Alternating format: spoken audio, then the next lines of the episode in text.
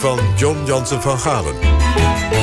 Het is dit jaar 70 jaar geleden dat Indonesië onafhankelijk werd. Met die zin alleen al jaag je de katten in de gordijnen... die allemaal vinden dat Indonesië vier jaar eerder onafhankelijk werd... en dat Nederland dat nu eindelijk eens moet erkennen. Nou hebben we al erkend, of minstens verklaard... of minister Bot deed dat 14 jaar geleden namens ons allemaal... dat we in Indonesië aan de verkeerde kant van de geschiedenis stonden. Maar wat de verkeerde kant is weet je altijd pas achteraf. De goede kant is altijd de kant die gewonnen heeft. We mogen Sukarno niet meer haten, las ik deze week in de NRC. Nou ken ik niemand die Sukarno haat, al was hij een collaborateur van het zuiverste water, die almaar uitriep: Wij zullen Amerika platstrijken en Engeland verbrijzelen. Begrijpelijk dus dat de Nederlanders, net door de geallieerden bevrijd van de Duitse bezetting, hem niet pruimden. Premier Drees nam Sukarno niet kwalijk dat hij de kant van Japan koos om zijn volk te bevrijden, wel dat hij zijn landgenoten aanmoedigde zich te melden als Rumusha, dwangarbeider voor de Japanse oorlogvoering, wat duizenden van hen moesten bekopen met hun leven. Maar daarom kun je nog wel een straat naar hem noemen. Neem Colijn. Die papte aan met de Duitsers. En hoeveel Colijnstraten zijn er niet? Sukarno staat op 17 augustus 1945 Omringd door jongeren met zijn kopaan Mohammed Hatta in een voortuin van Pegansan Oostlaan 56 te Batavia. Met trillende handen, schor van de malaria, leest hij voor: Wij, het volk van Indonesië, proclameren hierbij de onafhankelijkheid. Het rood en wit wordt gehesen aan een bamboestok.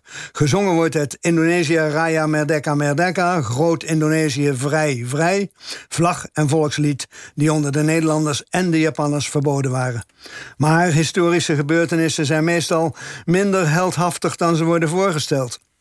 De jonge mannen die Sukarno en Hatta omringen, houden hen in werkelijkheid gegijzeld. Want zij pikken het niet dat die twee het eerder die maand met de Japanse bezetter om een akkoordje hebben gegooid over de Indonesische onafhankelijkheid, die dus onder de vleugels van Japan tot stand zou zijn gekomen. Ze hebben Sukarno en Hatta daarom ontvoerd en geprest de onafhankelijkheid nu op eigen houtje uit te roepen moet Nederland nu erkennen dat Indonesië daarmee ook onafhankelijk werd.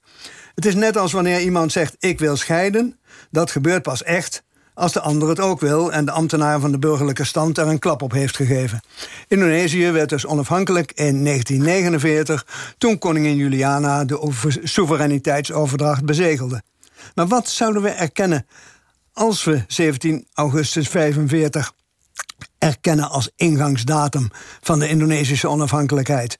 Dat wij Nederlanders op die dag subiet onze biezen hadden moeten pakken? Als een dief in de nachten vandoor, het land aan zichzelf overlatend in de naoorlogse chaos. Dat deden de Britten toen ze in 47 het hazenpad kozen uit Brits-Indië, na onze zondvloed. En inderdaad, amper hadden zij hun hielen gelicht of hindoes en moslims vlogen elkaar naar de strot met een miljoen doden en 10 miljoen vluchtelingen tot gevolg. Dat het ook in Indonesië gruwelijk spaak liep, weet ik. Maar dat is nog geen reden om te erkennen dat we in augustus 45 prompt de plaat hadden moeten poetsen. De historische waarheid is ook wat waard. Uh, John Jansen van Galen, bedankt voor dit lesje. Dus je zegt het was een scheiding op komst... en, en moest, Nederland moest die vier jaar als mediator toch er even wel zijn. Kort samengevat. Kort samengevat. Voor dit. Dat vind ik dan wel weer het understatement van het jaar. Ja, mediator.